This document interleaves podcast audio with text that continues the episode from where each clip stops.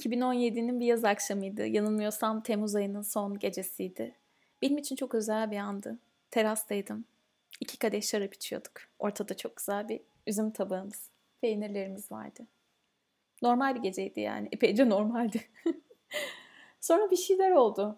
Hmm, bu şeyi mutlaka sanatla uğraşanlar ya da yazı yazanlar, kelimelerle uğraşanlar biliyordur. Böyle tatlı tatlı bir şey akmaya başladı alanıma.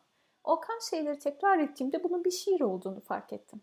Sanki benim yazdığım değil de bana gelen bir şeydi. Bildiniz. Tüm yazılanlar gibi aslında bu dünyada yazılmış olan her şey gibi. Bu bir şiirdi. Bu yüzden beni çok şaşırttı. Çünkü şiirle hiçbir zaman kalemim çok iyi olmadı. Ara ara denesem de. Çok güzel aktı. Adı öylesine oldu. Onu üçe böldüm. Öyle dedim. Öylesin dedim. Öylesine dedim. Belki dinlemeyi seversin. Bir an için daha fazlası olduğunu düşün. Okuduğun bütün kitaplardan, sevdiğin hikaye kahramanlarından, içtiğin güzel şaraplardan, gördüğün tüm gün batımlarından ve göremediğin yıldızlardan.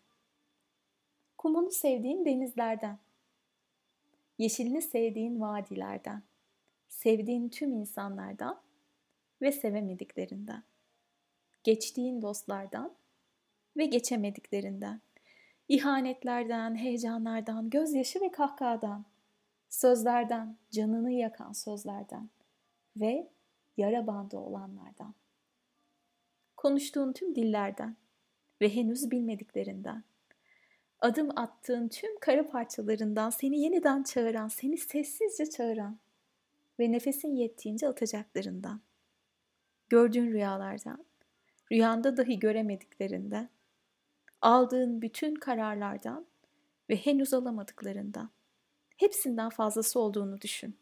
Çünkü zaten öylesin. Öylesin. Dilerim sevmişsindir. Çünkü öylesin ve sevgiyle kal.